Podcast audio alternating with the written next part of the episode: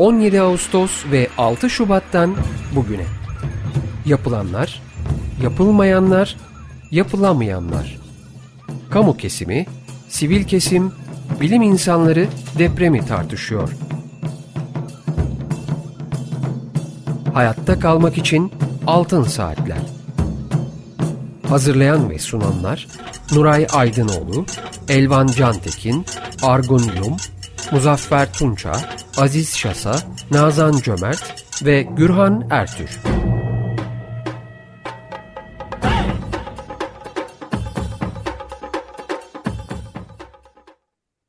Merhaba, Açık Radyo'da Altın Saatler programındayız. Bugünkü programı Aziz Şasa, Elvan Cantekin ve ben Gürhan Ertür birlikte sunacağız. Belki Argunyum da aramıza katılacak biraz sonra. Teknik masada ise Berke Akmeşe sesimizi sizlere ulaştıracak. Telefon numaramız alan kodu 212 343 40 40. Elektronik posta adresimiz açıkradyo.com.tr Altın Saatler programlarının ses kayıtlarını Açık Radyo'nun internet adresinde podcast bölümünde dinleyebilirsiniz. Efendim bugünkü programımızın destekçisi Marian Simiadis'e teşekkürlerimizi iletiyoruz. Evet, konuğumuz Hatay Barosu Afet Komisyonu Başkanı Avukat İbrahim Göçmen. İbrahim Bey hoş geldiniz programımıza. Hoş bulduk Gökhan Bey, teşekkür ederim. Evet, ben kısaca İbrahim Bey'i tanıtmak istiyorum. Hatay'da doğdu, Antakya Endüstri Meslek Lisesi elektrik bölümünü bitirdi ve iki yıl mesleğini yaptıktan sonra Ankara Üniversitesi Hukuk Fakültesine girerek 1996 yılında mezun oldu. 1998 yılında serbest avukatlığa başladı. 6 Şubat depremini de Hatay'da yaşadı. Evet efendim tekrar programımıza hoş geldiniz. Şimdi biz bugünkü programda e, Hatay'daki, Hatay ve ilçelerindeki deprem sonrası hukuki sorunların neler olduğunu e, ve şimdiye kadar hangi konularda davalar açıldığını, e, sit alanlarına ilişkin hukuki başvuruları, hak sahipleri ve kiracıların e, hukuki durumunu e, İbrahim Bey'e soracağız ve kendisinden bilgiler alacağız. Efendim öncelikle depremden sonra açılan davaları başlık olarak özetlemeniz mümkün mü acaba? Hangi alanlarda, hangi konularda davalar açıldı? Tabii ki. Şimdi e, depremden hemen sonra e, insanlar daha güncel hayata uyumunu sağlayamadan e, bir anda şeyi fark ettik. 7300 sayılı Cumhurbaşkanlığı kararı yayınlandı. Bu karara göre Antakya'nın e, bizim hani ruhu kabul ettiğimiz, e, tarihi kabul ettiğimiz ve birinci derece ve üçüncü derece arkeolojik sit alanı olan, aynı zamanda kentsel sit alanı olan bölgesini Cumhurbaşkanlığı kararıyla riskli alan e, tanımlaması için aldılar ve 6306 sayılı kanun kapsamına soktular. Biz önce bunun ne olduğunu anlayamadık. E, çünkü güncel sorunlarla uğraşıyorduk. E, biraz e, işte toplantılar yapınca, arkadaşlarla görüşünce işte bildiğiniz bizim KADOP e, platformumuz var. Oradaki bazı Zoom toplantılarına katılınca daha önce bazı örneklerini gördüğümüz bir uygulama oldu. Şimdi e, bahsettiğim alan dediğim gibi arkeolojik sit alanı aynı zamanda kentsel sit alanı.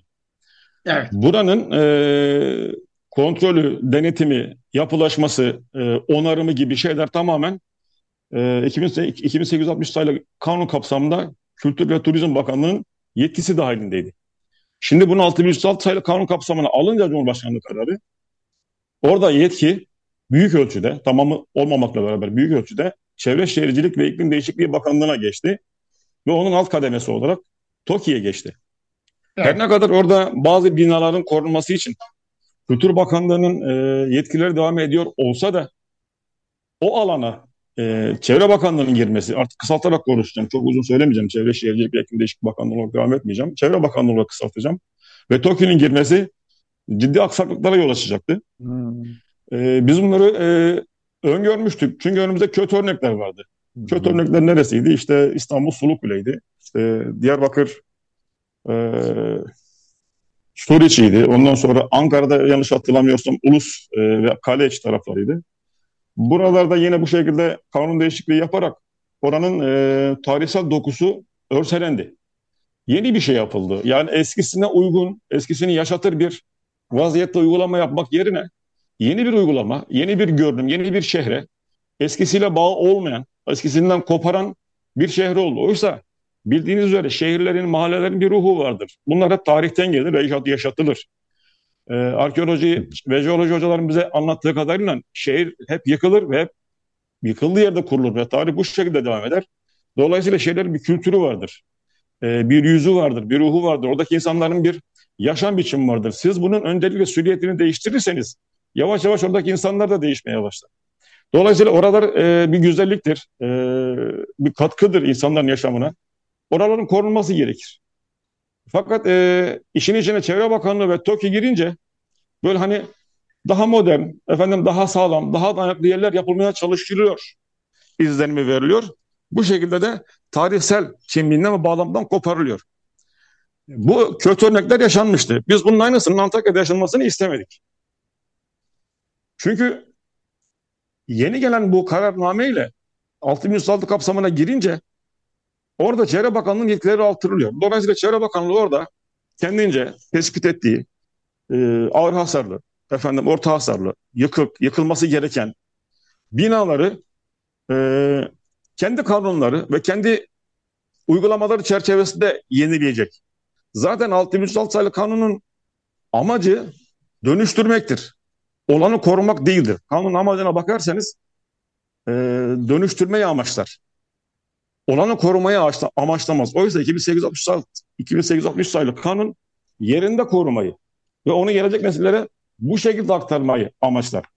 Dolayısıyla Çevre Bakanlığı girdiği an orada tarihi eserlerin özüne uygun korunamayacağı, ciddi anlamda zarar göreceği endişesi oluştu.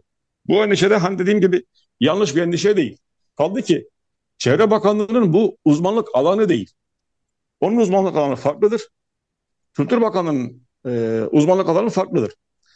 E, öteden beri gelen bir uygulamadır. Orada herhangi bir binada herhangi, herhangi bir tadilat veya onarım yapılacaksa mutlaka bakanlıktan izin alınır. Onarımın büyüklüğüne göre proje yapılır, onaylatılır, efendim kuruldan onay gelir falan böyle uzun bir süreçtir. Oraya dokunamazsınız. Ama şu anda Çevre Bakanlığı alana girdi. Girdiği anda işte kendi ölçülerine göre hasar tespiti yaptı. Bu tespitler içerisinde bazı binaların yıkımına başladı. Bunların içerisinde maalesef tescilli yapıları da gördük. Biz bunları öngördüğümüz için, ileride bunların olma olasılığını gördüğümüz için 7133 sayılı Cumhurbaşkanlığı kararının iptali için Danıştay'a dava açtık. Aynı evet. zamanda da yürütülmesinin durdurulmasını istedik. Bu dilekçeyi 15-20 gün e, civarında ben çalıştım. Çalışma sırasında çok değerli hocalarımızdan katkılar aldım. Arkeoloji alanında, jeoloji alanında, e, konservatör bir hocamızdan, işte anayasa hukukçusundan çok değerli hocalarımız katkı yaptı. E, çok kapsamlı bir dilekçe hazırladık. Birçok konuya değindik. Bu dilekçemizi de hem Hatay Barosu'na hem Barolar Birliği'ne sunduk. Hem de vatandaşların kullanabileceği biçimde sadeleştirerek altına sadece bir kimlik fotokopisi koyup imzalayarak bu davayı açabileceği şekilde getirdik. Ve istedik ki bu zor zamanda kafasını toparlayamayan, e, barınma sorunu yaşayan, efendim e, giyinme, açlık sorunu yaşayan insanların bir de bununla uğraşmasın. Hazır bir şeylerinde olsun ve biz burada bir kamu hizmeti görelim. Çünkü zaten baroların birinci amacı da odur. Kamu hizmeti görmektir. Yani meslek örgütüdür ama aynı zamanda kamu hizmeti gören meslek örgütüdür. Anayasa böyle tanımlar. Bu şekilde dilekçelerimizi çeşitli platformlarda, gruplarda vatandaşın kullanımına sunduk. Bu şekilde yaklaşık 500'ün üzerinde dava açıldı.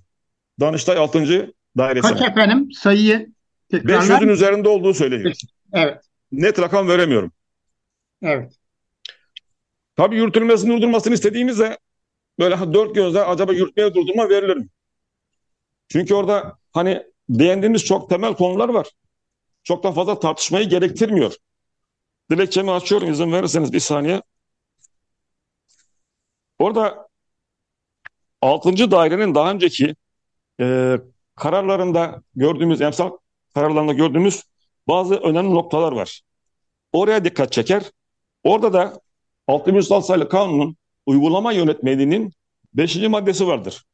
Beşinci maddesinde e, çok ayrıntılı bir e, belgeleme sistemi vardır. Yani siz bu kararı alırken e, keyfe keder değil, bunu birçok belgeye, bilimsel araştırmaya, e, raporlara dayandırmanız gerekir. Eğer çok zamanınız almayacaksa çok kısa söylemek isterim. Lütfen. Bir, bir iki örnekle mesela alanın zemin yapısı veya üzerindeki yapılaşma sebebiyle can ve mal kaybına yol açma riski taşıdığına dair teknik raporu.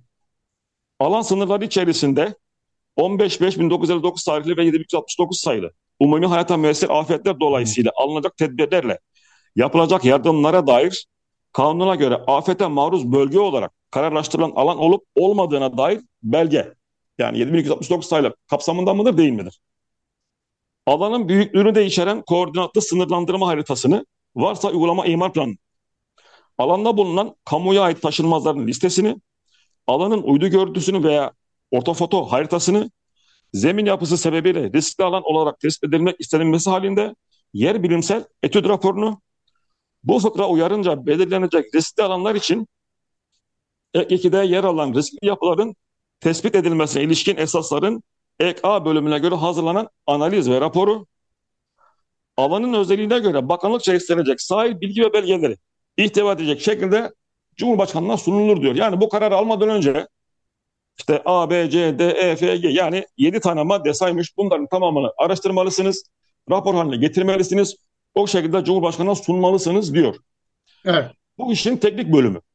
Tarihsel bölümüne, sanatsal bölümüne, kültürel bölümüne girmiyorum. Onlar dilekçenin diğer kısımları. Bu eksiklikleri gördüğü an 6. daire zaten doğrudan o kararı iptal ediyor. O kararı iptal ediyor. Dolayısıyla dava açılır açılmaz mahkeme Cumhurbaşkanlığına yazı yazdı. Savunma istedi herhalde. Önce savunma istedi. Savunmayla beraber bu belgeleri istedi. Size saydığım belgeleri istedi. Dedi ki bu kararın altında hazırlanmasına sebep olacak, dayanak olacak bu raporları bize gönderin. Uzun uza diye gene saymayacağım deminkiler gibi aynısı. Evet. Bunları istedi. Savunmayı da bekledi. Sonra savunma geldi. Biz e, 15-16 sayfa civarında bir dilekçe hazırlamıştık. İşte dediğim gibi tarihsel, kültürel, jeolojik, e, arkeolojik alanlardan bakıp, uluslararası sözleşmeler açısından bakıp çok detaylı bir çalışma yapmıştık. Fakat gelen e, şey, Cumhurbaşkanlığı cevabı o kadar dar kapsamlı ki e, yani cevapların hiçbirini karşılamadığı gibi konunun özüne de dokunmamış. Sadece işte bu yapılan karar ya da alınan karar yapılan işlemler kanuna uygundur deyip kapatmış. Fakat evet. demek ki uygulama yönetmeliğinde saydığım belgeleri göndermemiş. Bu belgeler yok. Dolayısıyla karara dayanacak, dayanak olacak raporlar ve belgeler aslında mahkemeye sunulmadı. Mahkeme... Peki, peki hemen sormak istiyorum. Ee, idari mahkeme bu konuda yürütmeyi durdurma kararı verdi mi? Tam oraya geldim. Evet. Cevaplar geldi. Mahkeme bu e, süreyi de aldıktan sonra yani belgeleri gönder dedikten sonra o süre içerisinde yürütmeyi durdurma için bir toplantısını yaptı. E, o belgelerin de gelmediğini dikkate alarak yürütmeyi durdurma isteminin reddine karar verdi. Fakat reddine karar verirken ikiye birle karar verdi. Yani oy çokluğuyla değil, şey, oy birleri oy çokluğuyla karar verdi. Evet. Muhalefet eden kimdi? Başkandı. Başkan muhalefet etti. Başkan muhalefeti çok ayrıntılı. Der ki 6306 sayılı kanun kapsamında riskli alan değerlendirmesi yaparken orayın o alanın bütününü bütününü dikkate alırken sadece uygulama bütünlüğünü sağlamayı düşünmeyin. Der ki biz orada gelen fotoğraflara baktığımızda 9644 tane yapı olduğunu, bunların 4365 tanesini yıkıp ağır hasarlı ve adil yıkılacak olduğunu gördük. Yani aşağı yukarı yarısı. Demek ki yarısı yıkılmayacak halde. Bazı Bu... kısımlarında ise hasarsız, hasarsız yapıların yoğunlukta olduğu. Davalı idarece sınırların tespitinin hangi kriterlere göre yapıldığının somut bir şekilde ortaya konulmalı. Yani siz bütün alanı riskli alan ilan ediyorsunuz ama bunun sınırlarını somut bilgilerle, somut raporlarla ortaya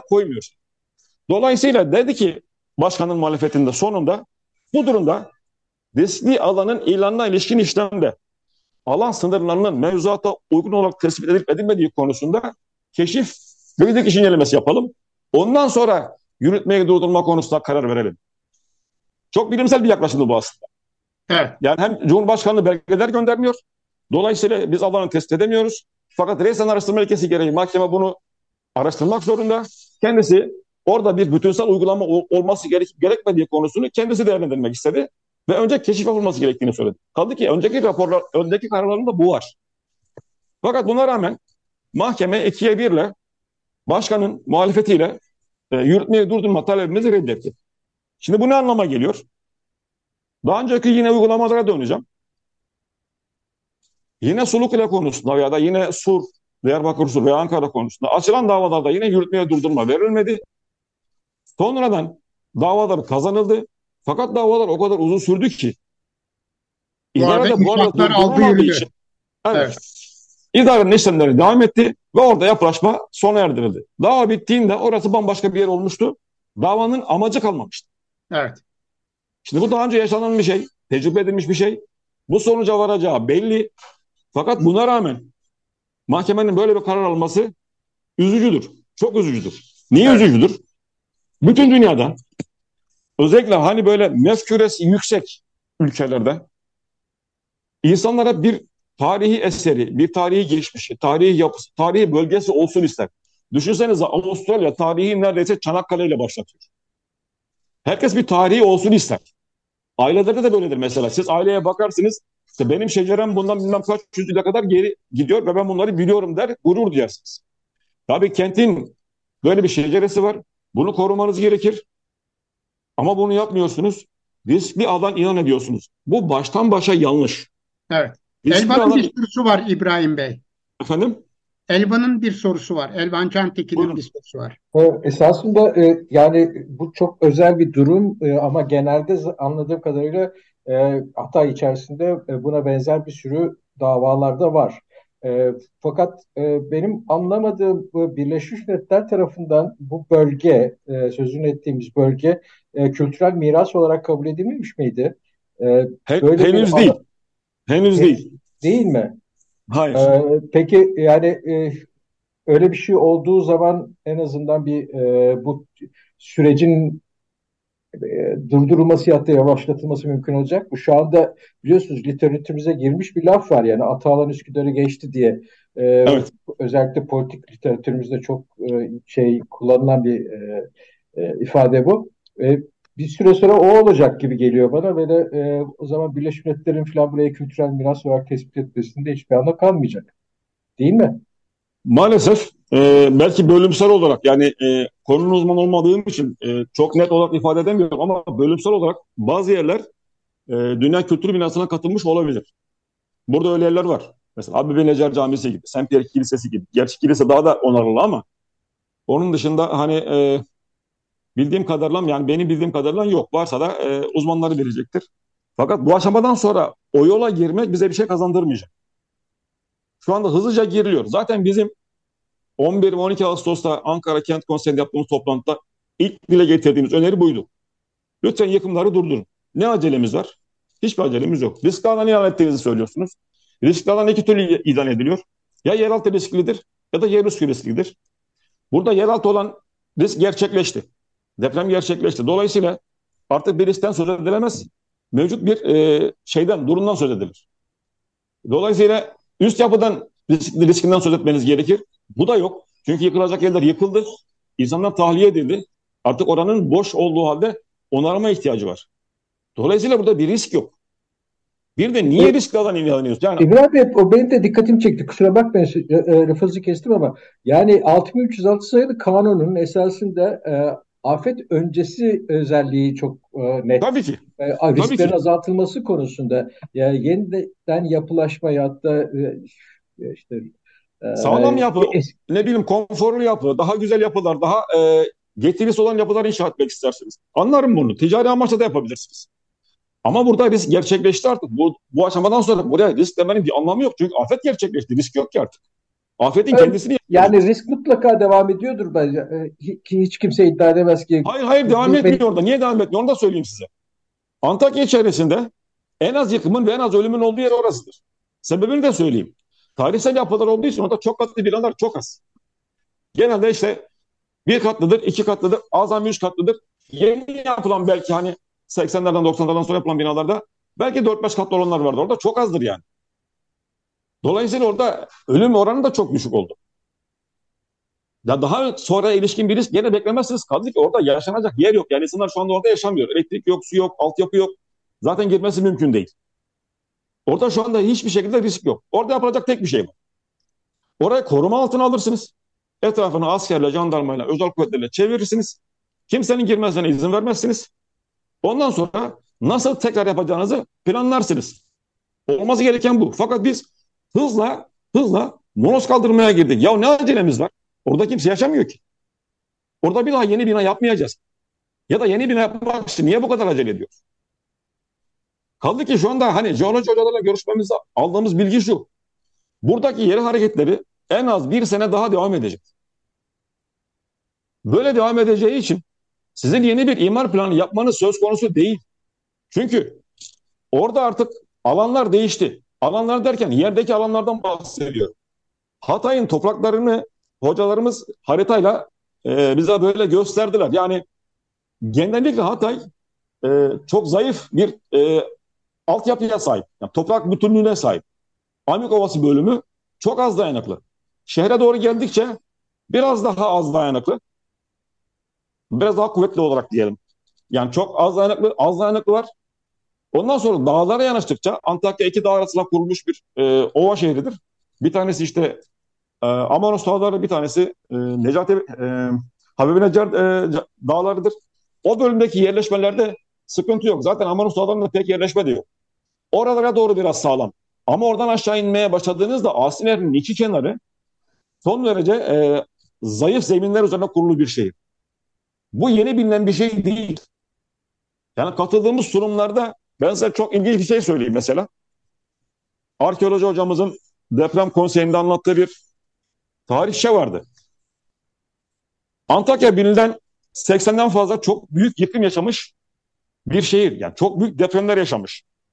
E, milattan önce 180'den itibaren kayıt alabilmişler. E, şöyle de bir özelliği var mesela. Periyodik olarak çok kısa zamanlarda ikinci ve üçüncü depremler yaşamış bir şehir. Periyodik olarak bakın dikkat edin. Bu sene yaşanmış mı bu deprem? Seneye bir daha yaşanma riski çok yüksek Antakya'da. Hatta iki sene sonra yaşanma riski de çok yüksek.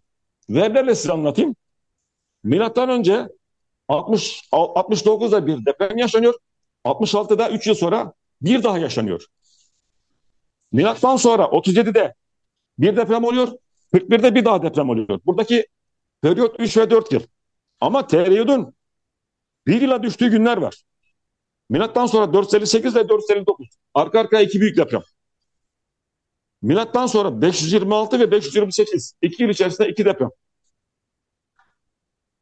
Milattan sonra 1091'de bir tane oluyor. Sonra 1097 ve 1098'de arka arkaya bir el arayla bir daha deprem oluyor. Bunlar hepsi yakın depremler. Devam ediyorum. 1823'te bir deprem, 1824'te bir deprem daha. Bir yıl sonra. 1872'de bir deprem, 1873'te bir deprem daha. Bir yıl sonra. Şimdi Hatay'ın zaten yani e, tarihine baktığınız zaman bu depremlerin ardışık olarak birbirini izlediği ve büyük yıkımlar yarattığı biliniyor. Yani bugün yaşanan deprem, 6 Şubat'ta yaşanan depremin 2024'te veya 25'te yaşanmayacağını kimse garanti edemez. Hatta hatta elimizdeki istatistiki veriler bunların bir daha yaşanmasının çok yüksek olasılık olduğunu gösteriyor. Yani e, jeolojik olarak bu rakamlar inanılmaz kısa rakamlar. Yani dünyanın yaşına bakıp da tektonik hareketleri değerlendirdiğinizde birer yıl ara deprem olması e, zaman dilimi bakımından çok kısa dilimler. O yüzden burada şimdi benim, yap- benim bir sorum var efendim. Şimdi. E, Cumhurbaşkanlığı kararına karşı açılmış olan bir idari dava var. Evet. Ve da e, 6. E, İdare Mahkemesi e, İdi, orada idi, 4'e geçti. O da enteresan. 18-19 Temmuz'da yürütmeyi durdurma reddi kararından sonra 4'e geçti. Dördüncü daire, dördüncü daire neye bakar? Vergi davalarına bakar. Yani uzman, uzmanlık alanı değildir. Ama altıncı dairenin bu dava uzmanlık alanıdır. Altıncı daire bakması gerekirken dörde bıraktılar. E, dört bu konuyu evet. zaten çalışmamış bir dava. e, bir, bir, bir e, daire. Dolayısıyla o dairenin bu konuyu çalışması üzerinde yoğunlaşması belki de yıllarını alacak. Bu evet. da çok e, hani düşündürücü bir konu. Bu da ayrı gerekirdi. bir problem. Bunun evet, bu, bu çok ciddi bir problem. Bu dava dışında açılmış olan başka idari davalar var mı? Şimdi eğer bunu kapatacaksak, riskli alan kısmını, tarihi eser kısmını falan kapatacaksak evet. güncel durumlara geçeceğiz. Bunu kapatın tamam. diyorsanız burada bırakayım çünkü zaten buradan anlatılacak başka bir şey kalmadı. Yürütmeyi durdurma vermediler. Dördüncü daireye e, dosyaları gönderdiler.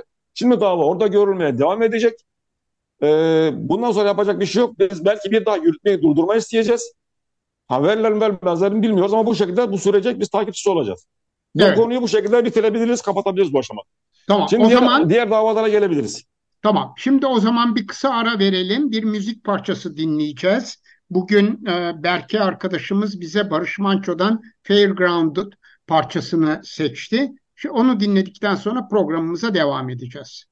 Radyoda Altın Saatler programının ikinci bölümündeyiz ve konuğumuz Hatay Barası Afet Komisyonu Başkanı Avukat İbrahim Göçmen. İbrahim Bey e, siz şimdi diğer davalara ilişkin bilgileri vereceksiniz ama ben bu arada kısa bir soru sormak istiyorum. E, evet. İhtisas mahkemeleri kuruldu mu Hatay'da ve kent dışından yeni hakimler atandı mı? Bu konuda da çok kısa bir bilgi verebilir misiniz lütfen? Valla çok doğru bir konuya değindiniz. İhtisas mahkemesi kurulması şart ama şu anda yok maalesef. Yeni hakimler de e, atanmadı benim bildiğim. Yani Temmuz'da belki atanmış olabilir ama görevine başlayan hakim çok az. Çünkü burada hakimlerin kalacakları yerler yok. Yani hakimlerden böyle bir şey beklemek haksızlık olur. E, çoğu geçici yerlerde kalıyorlar. Otel, pansiyon gibi bildiğim kadarıyla. Dolayısıyla e, şu anda sağlık mahkemeleri sağlıklı işlemiyor. Yani ihtisas mahkemesini geçtim. Normal idare mahkemeleri ve sulh hukuk mahkemeleri e, doğru çalışamıyorlar. Çünkü evet. o kadar çok yüklenme oldu ki. Hakim sayısı az, dava sayısı fazla. Yapılacak işlemler e, ayrıntılı. Dolayısıyla mahkemelerin bunu yetiştirmesi mümkün değil. Biz e, Barolar Birliği Başkanı'na görüşmemizde çok acil e, idare mahkemesi kurulmasını istemiştik. Onlar da görüştüklerini e, ve kademe kademe e, arttıracaklarını söylemişlerdi. Bildiğim kadarıyla iki mahkeme daha kuruldu burada ya da 2'ydi 6'ya çıktı özür diliyorum. Ama henüz evet. e, çalışmaya başlamadılar. Ee, İbrahim Bey bu noktada şeyi söyleyebilir miyiz? Yani Adalet Bakanlığı genelde e, bir afet hazır değildi. Kimse bir hazır afet, değildi. Kimse, kimse hazır değildi. Afet, yani Adalet Bakanlığı'nın bu konuda hakikaten özel bir çalışma yapması gerekiyor. Belki de e, afet yönetim açısından çok e, ikinci, üçüncü sıralarda diye değerlendirebileceğimiz bir olay ama çok çok önemli bir olay. O yüzden onların da e, bu işi edinilen tecrübeler çerçevesinde sıkıya alıp e, bir şeyler yapmaları gerekiyor. Bu çıkarılan derste bu olmalı. Bu konu çok önemli. Değindiğiniz konu. Sebebini söyleyeyim size. Afete hazır olsaydı Adalet Bakanlığı e, derhal burada e, o deprem zamanında birden çok e, mahkeme yani geçici mahkeme diyelim ona e, oluşturup delil tespitine girmesi gerekir. Bizim talebimize rağmen valilik mesele girmedi. Şimdi burada en büyük sorunlardan bir tanesi bu. Yani bina yıkılıyor. İçinde insan öldüyse veya işte yaralama olduysa savcılık zaten reysen bunları kovuşturuyor. Eh, bu özür diliyorum. Soruşturuyor. E, raporlar alıyor. İşte bina üzerinde incelemeler yapıyorlar. İşte binadaki yıkılma sebebini, kusuru ve kusurlu özneyi bulmaya çalışıyor. Bu ölümlü ve yaralamalı yıkımlarda oluyor. Ama onun dışında e, maddi hasarlı maddi hasarlı ilişkin davalarda e, gerekli incelemeler yapmıyorlar. Orada insanlara bırakmışlar. Şimdi deprem çıkmışsınız. Yaşayacak alanınız yok. Ya şehri terk ediyorsunuz veya bulabildiğiniz çadırda yaşıyorsunuz. Bu arada e, yıkılan binanız için e, tespit yaptırmanız gerekiyor. Birçok insan bunu düşünmüyor bile şu anda. Yıkılan binalarda en önce yapılması gereken şey yıkılmadan önce şöyle konuşayım daha doğrusu. E, yıkılmış binalarda hemen karot testi yapılmalıdır. Yıkılmış binalarda. Derhal karot testi yapılır, bilirkişi incelemesi yapılır. Onlar e, bir yerde saklanır. Arkasından e, yıkılacak binalarda yine aynı şekilde bilirkişi kurulu oluşturulur, karot testleri alınır, işte e, röntgenler çekilir. E, onlar da delil olarak saklanır. Sonra ağır hasarlı ve az hasarlı olduğu tartışmalı olan binalar var. Her yıkım öncesi bütün binalarda bu tespitlerin yapılması gerekir. Neden yapılması gerekir? Şimdi ölümlü ve yaralamaları kayıplarda, bina kayıplarında İnsanlar zararlarını isteyebilecekler. Çünkü bunlarda tespit var. Ama ölüm olmayan binalarda tespit olmadığı için insanlar maddi kayıplarını isterken ispat konusunda zorlanacaklar. Binanın niye yıkıldığını belki bulamayacağız. Bu büyük bir sorun. Çoğundan karot alınmadı. Şunu söyleyeyim size. Üçüncü ayda başvurduğumuz, dördüncü ayda başvurduğumuz dosyalarda dahi şu ana kadar bilirkişi raporları gelmedi. İnanılmaz bir şey. Üçüncü aydan sekizinci aya, hadi Nisan diyeyim ben. Dört aydır dosyalarda bilirkişi raporları yok. Bu da çok enteresan. Çok sayıda talep var. Anlıyorum. Ama yetmez. Daha çabuk bundan e, sonuçlandırılması gerekirdi. Daha çok takviye gelmesi gerekirdi. Daha çok bilirkişi gelmesi gerekirdi.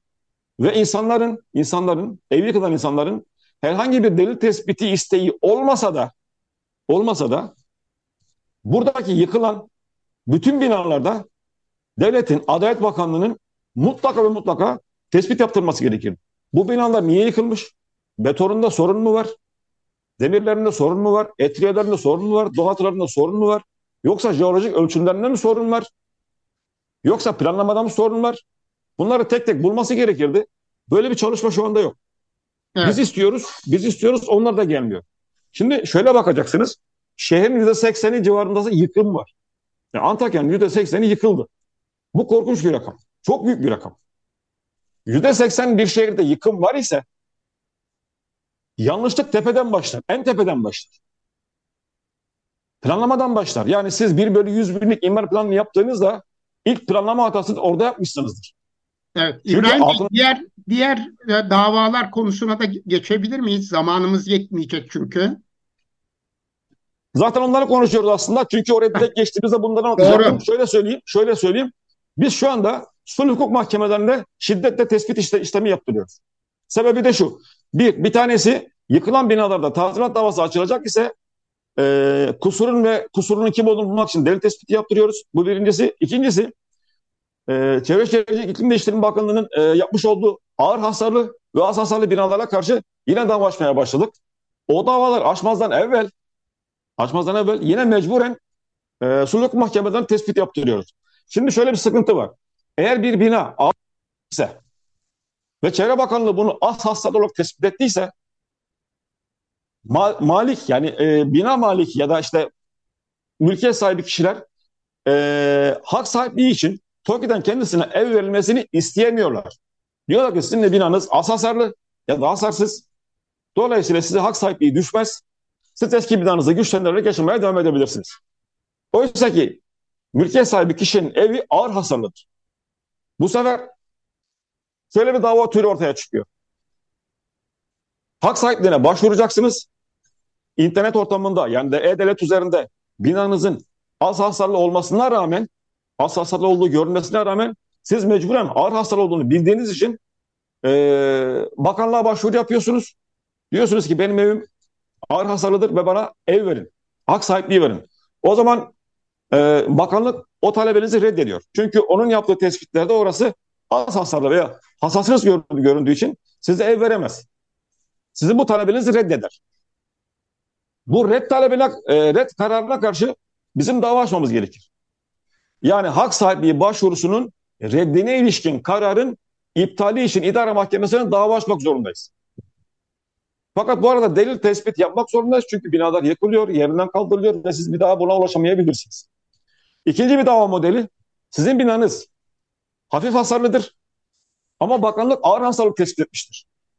Ve binanızı yıkmak istiyor. Yıkım kararı gönderir ve binanızı yıkar. Siz de aslında hafif hasarlı olan, az hasarlı olan ya da hasarsız olan binanızı güçlendirme ile koruyabileceğinizi düşündüğünüz için bakanlığın yıkım kararına karşı, pardon özür diliyorum, valinin yıkım kararına karşı yıkım kararının kaldırılması için yine iptal davası açmak zorundasınız. Yine bu iptal davasına konu olarak sulh hukuk mahkemesine önce gidip tespit yaptırmak zorundasınız. Çünkü davayı açtığınızda, idare mahkemesine davayı açtığınızda süreç hızlı yürümeyeceği için, o sırada deliller de kaybolacağı için hepimiz 3. aydan itibaren yoğun bir şekilde sulh mahkemelerine başvurduk. Burada iki tane sulh mahkemesi var Antakya'da. İskenderun'da iki tane var. Diğer ilçelerde birer tane var. Hatta bazı ilçelerde bir hakim 3, 4, 5 mahkemeye birden bakabiliyor. En son baktığımızda suluk mahkemelerindeki dosya sayısı 8500 civarındaydı. Bunların çok az bir kısmı deprem dışı. Siz buna 8000 deyin. 8000 dosya 7-8 tane mahkemeyle görülecek iş değil. Bu kadar çok bildik işte istihdam edemezsiniz. Raporları da alamıyorsunuz zaten. Kaldı ki savcılıkta görülen dosyalarda dahi raporlar gelmiyor. Yani bir insanın niye öldüğünü, hangi binada öldüğünü, kusurunun kimin olduğunu araştırıyorsunuz. Orada da raporlar yok. Yani biz 3-4 aydır, 5 aydır rapor alamıyoruz. Suluk mahkemeleri kilitlendi, idare mahkemelerinden yeni davalar açmaya başladık. Çünkü artık yıkım kararları geliyor. Bir de şöyle bir sorunumuz var. Mahalleye ekipler geliyor, binayı yıkacaklar biliyorsunuz. İşte dozeli kepçeyi almış gelmişler. Diyorsunuz ki bize bir yıkım kararı verin. Yıkım kararı yok. Nasıl yok? İşte yok diyorlar. Burası ağır hasarlı değil mi? Evet ağır hasarlı. E peki yıkım kararı aldınız mı diyoruz. Almadık diyorlar. Zaten kanunda ağır hasarlı olduğu için yıkılır diyor. Biz de onun için yıkmaya geldik diyorlar. Biz de diyoruz ki hayır. İdarenin bir tasarrufu olmalı burada ve bize bir yıkım kararı sunmalısınız. Ben bir gün bütün günümü Çevre Şehircilik İl Müdürlüğü'nde harcadım. Karar göremedim. Oradaki hukukçular dahi böyle bir kararın varlığından haberdar değil ya da olmadığını yani o, olmadığını biliyorlar ya da bilmiyorlar bilemiyorum ama karar yok ortada. Yani ne şirketler biliyor, ne hukukçular biliyor, ne memurlar biliyor, e, ne yıkım şirketleri biliyor. Kimse böyle bir karardan haberdar değil. Sonra şöyle bir şey olmaya başladı. Yıkımdan önce işte kapıya bir kağıt asıyorlar. İtirazınız varsa üç gün içerisinde gidin valiye söyleyin. O da yıkımla ilgili. Yani biz burayı yıkacağız. Siz yıkmak isterseniz siz yapın gibisinden bir şey. Biz onu yıkım kararı olarak kabul ediyoruz. Olmayan bir yıkım kararına karşılık mahkemeye dava açıyoruz. Ne diyoruz? İdarenin tarihini ve sayısını bilmediğimiz ama fiilen uyguladığı yıkım kararının iptalini istiyoruz diyoruz. Ya böyle bir şeyle de ilk defa karşılaşıyoruz. İdare yıkım kararı veriyor. Ortada sayı ve tarih yok. Burada da çok zorlanıyoruz. Ve mahkemeler şu anda yığıldı, dosyalar yığıldı. Ee, idareden sürekli karar istiyorlar. İdareler karar gönderemiyor. Acayip bir durumla karşı karşıyayız. Fiilen bir yıkım var. Ama idari işlem olarak bir yıkım kararı yok. Bu şekilde davalarımızı açmak zorundayız. Bir de şöyle ilginç bir uygulama oldu. Ee, davayı açıyorsunuz, yürütmeye durdurma istiyorsunuz. Binamı yıkmayın diyorsun mesela o hasarsız olan binadan. Yürütmeye durdurma kararı çıkmıyor. Ama şöyle bir şey diyorlar bize. Siz dava açtığınıza dair dilekçenizi Çevre Bakanlığı'na götürün. Bir dilekçe ekinde sunun. Onlar bunları listeliyorlar. Listeli olan binaları da yıkıma gitmiyorlar. Yani mahkeme kararı dışında idarenin kendi inisiyatifi ile yıkım kararları ya da göremediğimiz kararlar durduruluyor. Yani yarın gelse yıkım şirketi oradaki evi yıksa, işte biz izin vermesek, jandarma falan alıp gelse, mahkeme kararı olmadığı için orası yıkılacak. Ya bu e, kendiliğinden gelişen spontan bir uygulama. Hukuksal değil. Hukuksal değil. Hukuksal olması için mahkemelerin yürütmeyi durdurma kararı vermesi lazım. Yine böyle bir sorun yaşıyoruz. Ee, sorunlar yaşamakta da insanlar haklı. Çünkü adliyemiz uzun süre kapalı kaldı. Yaklaşık bir ay falan oldu muhtemelen. İşte onarımı bitti. İşte içine yerleşmeye başladık. Onun öncesinde konteynerdeydi hakimlerimiz, savcılarımız. Birer konteynerde, memurlarımız. Ee, kalacak yerleri yoktu. İşte muhtemelen e, İskenderun taraflarında sağlam yerlerde kalınıyordu. Yani bakanlık bu konuda gerçekten bir hazırlık yapmamıştı. Deprem olduktan sonra biz burada daha çok hakime, daha çok mahkeme, daha çok bilirkişiyi nasıl istihdam ederiz konusunu düşünmemiş ve hesaplamamıştı. Dolayısıyla depremin bitiminde biz böyle bir sorunla karşılaştık. Şu anda personel yetersizliği var, hakim yetersizliği var, bilirkişi yetersizliği var ve davaları biz böyle hani zorla e, büyük bir çabayla yürütüyoruz. Avukatlarla kalacak yerler yok. Onlar da çok uzun süre e, konteynerde kaldılar. Çoğunun bürosu yıkık. Şu anda bize e, yanlış hatırlamıyorsam İçişleri Bakanlığı'nın verdiği 105 tane prefabrik böyle konut tarzı e, büro sitesi kuruldu. 25 metrekareye 4-5 avukat bazen 3 avukat sığışıp çalışmaya çalışıyoruz. Şu anda bütün şartlar çok ağır.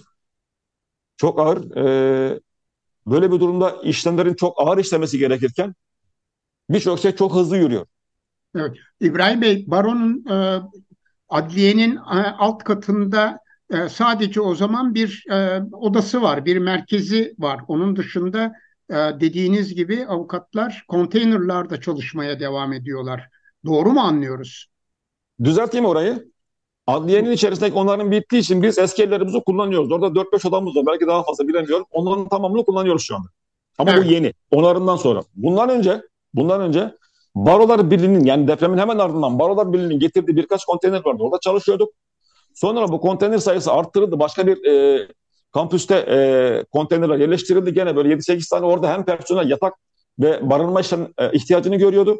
Hem de bazı avukatlar gidip burada dilekçe yazıyorlar konteynerlerde. Evet. Şimdi adliye açık. Yani e, birkaç tane odayı kullanabiliyoruz. Ama halen avukatların e, büro e, ve barınma sorunları var. Evleri yok, büroları yok. İşte 4-5 avukat bir araya gelip 25 metrekarede nasıl çalışabilir siz düşünün. Mümkün değil böyle bir şey. Ama avukatlar inanılmaz bir zorluk altında, inanılmaz bir çabayla çalışıyorlar. Ve inanın bana birçok işi bedava yapıyorlar. Kendi ihtiyaçları olduğu halde birçok işi bedava yapıyorlar. Evet, tahmin edebiliyorum. ücretlerle yapıyorlar. Evet. Bir diğer konu da enkazlar konusu, çevre ve enkazlar konusu. Ee, bu konuda da davalar açıldı mı İbrahim Bey? Bu konuda hem savcılar suç duyurusunda bulunuldu. Onun başka bir birimimiz yaptı. Ben içinde değildim ama gelişmeleri e, yakından biliyorum. Aynı zamanda e, idare mahkemesine başvuru yapıldı. İdare mahkemesine başvurulması yap, yapılmasının sebebi de şuydu. E, molozların kaldırılması e, bir yönetmeliğe tabi. Oradaki kurallara göre kaldırmalı e, idare. Evet. E, oradaki, oradaki yerlerden de sorumlu kurumlar valilikle Büyükşehir Belediyesi. Yani moloz döküm alanları Büyükşehir Belediyesi belirliyor. E, ya da e, Büyükşehir Belediyesi'nin e, alanının dışındaki bölgelerde vadilik belirliyor. Dolayısıyla o belirlenen yerlerin e, aslında yönetmeliğe aykırı olduğu, e, çevresel etken, etkenlere aykırı olduğu iddiasıyla dava açtık. Yine yürütmeye durdurma kararı çıkmadı. Yönetmelik gereği e, yıkımlar yapılırken burada ayrıştırma yapılmaması gerekiyor. Ama yapılıyor şehir içerisinde. E, korkunç bir toz bulutu var. Hiç gitmeyen bir toz bulutu var. E, doktorlarımızla konuştuğumuzda bu toz bulutların işte e, üst solunum yollarında ciddi rahatsızlık yaratacağı, ilerleyen dönemlerde e, kanser sayısında patlama yaşanacağı söyleniyor. Ayrıca bu moroz döküm alanlarının çoğu işte zeytinlik, e, tarımsal alan ya öyle bir şey söyleyeceğim ki yani çok korkunç bir şey. Burada Milleyha diye bir göl vardı. Milleyha e, e, kuşların göç ederek göç ederken gelip kondukları yerdi, konakladıkları yerdi. Ya o, hani Manisa kuş cenneti vardır ya onun bir küçüğünü düşünün. Öyle Evet. bir yere moroz döktüler. Yani bu kabul edilebilir bir şey değil. İnanılmaz bir şey. Neyse ona müdahale ettiler. İşte oradaki insanlar ciddi bir tepki gösterdi. Onu durdurdular. Ama şimdi e, yakın bölgelerde yine var. Mesela burada çok yakın bir köy. Şehre, şehre çok yakın. Dibinde de çok hani yerleşim alanı olan bir yer ve okul var. Özel bir okul var. Bir, va bir tepenin iki tarafındaki vadi olduğu gibi molozla dolduruldu. Orada şimdi ayrıştırma yapılıyor. İşte e, 20 gün sonra da çocuklar okula gidecek eğer okul açılabilirse. Yani burada ciddi bir dikkatsizlik var, plansızlık var, programsızlık var. Benim anladığım kadarıyla burada öncelenen şey yani çevreye hani uyumlu olsun, çevreyi koruyalım, insan sağlığını koruyalım değil. Bunu en az maliyetle nasıl kaldırırız? Onun çabası var gibi geliyor. Çünkü hep yakın alanlara döküyorlar. Oysa bundan daha uzak alanlara götürülmesi lazım.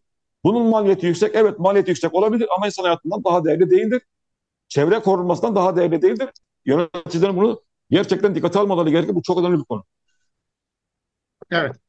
İbrahim Bey bir de e, özellikle e, ailelerin eşyaları konusunda, ziynet eşyaları konusunda e, birçok bilgi e, alıyoruz.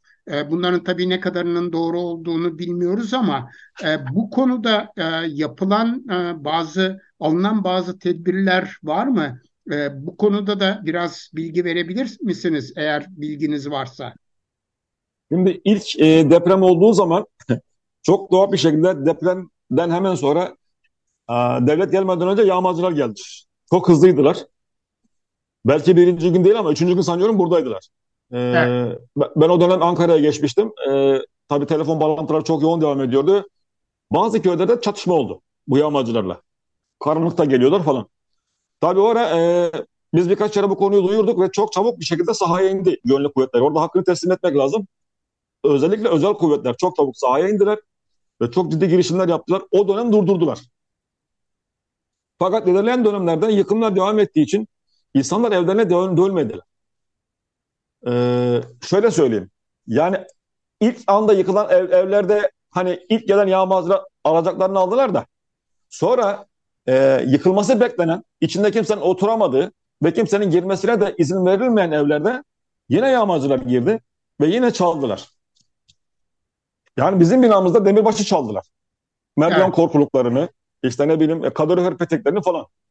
Bunlar var e, ama e, eskisi kadar ciddi önlemler yok ve hepsine yetişemiyorlar. E, pek önleyemediler. İlk zamanlar çok ciddi bir önlem aldılar ama daha sonra biraz gevşedi bu önlemler.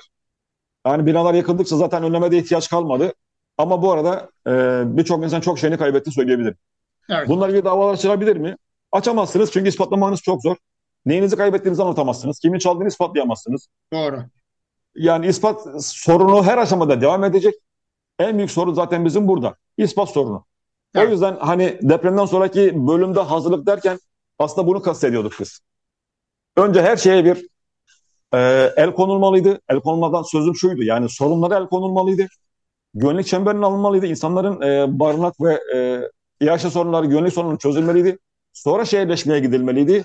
Ama biz baktık ki Nisan ayında, Nisan'ın sonlarında DB Mimarlık diye bir şirkete Antakya'nın planlamasını vermişler ve Nisan'ın sonunda sunum yaptı insanlar bize İstanbul'da. Ben hayret ettim. Nisan'ın sonunda niye sunum yapıyorsunuz bize? Ya arkadaş adam diyorum yani koca bir şehri niye bu kadar çabuk siz yapılandırmaya açmaya çalışıyorsunuz? Ne aceleniz var bizim? Evet. Bir bekleseydiniz yani yer dursaydı da ondan sonra bunları yapsaydınız. O planlama durmadı devam ediyor. Tamam devam edebilir sıkıntı yok ama önceliğimiz bu değildi ki. Ya da kültürel sit alanının ya da kentsel sit alanının e, risk alanına çevrilmesi bizim acil ihtiyacımız değildi ki. Biz niye bunu kalktık da Nisan ayında bir kararname çıkarıp onları risk alanı ilan? Ne ihtiyacımız vardı orada? Vatandaşın neyine yaradı? Hangi işini çözdü? Hiçbir işe yaramadı. Planlama yapıyorsunuz. Niye? Hiçbir işe yaramayacak ki. Bir sene sonra bir daha imar planı çıkaracaksınız.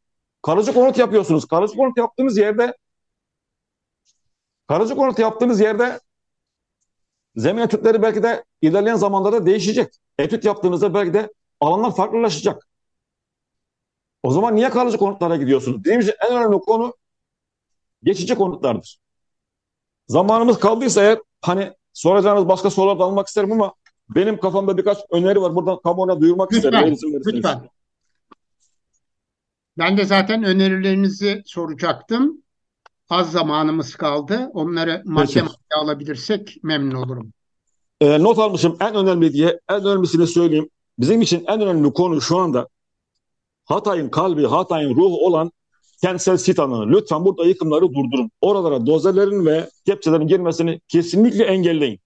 Oranın bir an önce kaldırılması için hiçbir sebep yok. Evet. 10 sene sonra kalırsanız da olur hiç önemli değil ama yavaş yavaş kaldırın ve kültürel zenginliğini bozmayın. Bu bir. İkincisi inşaat yapımlarını lütfen durdurun. Çünkü yer durmadı. Yer durmadığı sürece siz inşaat yaparsanız bu inşaatlar yıkılır. Planlama yapmanız gerekir. Bizim geçici barınma, ulaşım, su, hijyen konularını öncelikle çözün. Bize kalıcı yer yapmayın. Lütfen. Bunlar acele değil bizim için. Şu anda en önemli konu geçici barınma. En önemli konu adliye, sağlık, e, diğer devlet dairedeki memurların tamamının lojmanlaştırılarak buraya gelmeleri ve buraya gelmek için de özendirilmeleri. Yani Evet. özendirme nasıl olur? Söz gelimi efendim hizmet sürelerinin üzerine işte dörtte bir eklenebilir yılda. Efendim e, bazı ücretler artırılabilir. Ama lütfen memurların buraya gelmesini sağlayın ve burada barınmaları için gerekli çalışmaları yapın. Evet ve bunları biz 6. ayda hala tela- talep ediyoruz. Evet. Şu da dahil olmak üzere. Ee, özel iletişim vergisi. 20 yıldır topluyorsunuz, 22 yıldır topluyorsunuz. 40 milyar dolara yakın özel iletişim vergisi toplamışsınız. Hatay bundan hakkını istiyor. Lütfen buraya daha çok yatırım yap. Ve buraya kalkınmada öncelikli il ilan edin ki vatandaşlar, iş adamları buralara gelsinler. Buraları kalkındıralım. Evet. Kısa vadede burası yaklaşık e, 10 yıl sürecek bir inşaatlaşma süreci yaşıyor. Burada biz ciddi bir şekilde kalifiye eleman sorunu çekiyoruz. Bir aynı zamanda işsizlik sorunu çekiyoruz. O yüzden bizim ricamız şu. İl Milli Eğitim Müdürü bizi dinledi bu konuda sağ olsun yardımcı olacağım da söyledi. Bir an önce bir an önce yatırım meslek lisesi yapılsın.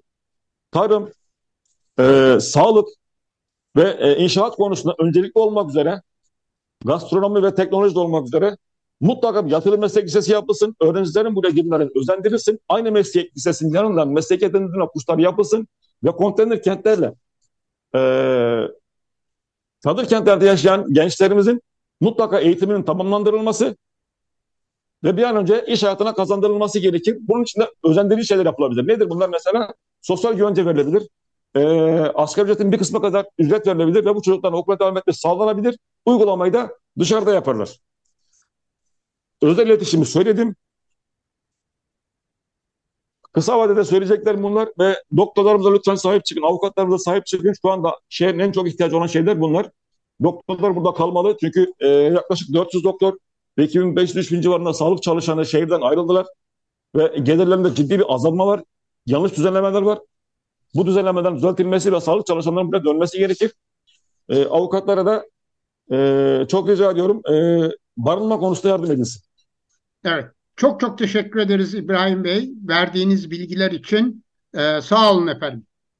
Ben teşekkür ediyorum bu fırsatı sunduğunuz için. Çok sağ olun. Evet. Açık Radyo'da Altın Saatler programında bu hafta konuğumuz Hatay Barosu Afet Komisyonu Başkanı Avukat İbrahim Göçmen idi. Kendisiyle e, hukuki sorunları, da, devam eden davaları konuştuk. Gelecek hafta yeni bir Altın Saatler programında görüşmek dileğiyle. Hoşçakalın. Hoşçakalın. Hoşçakalın. Teşekkür ederim.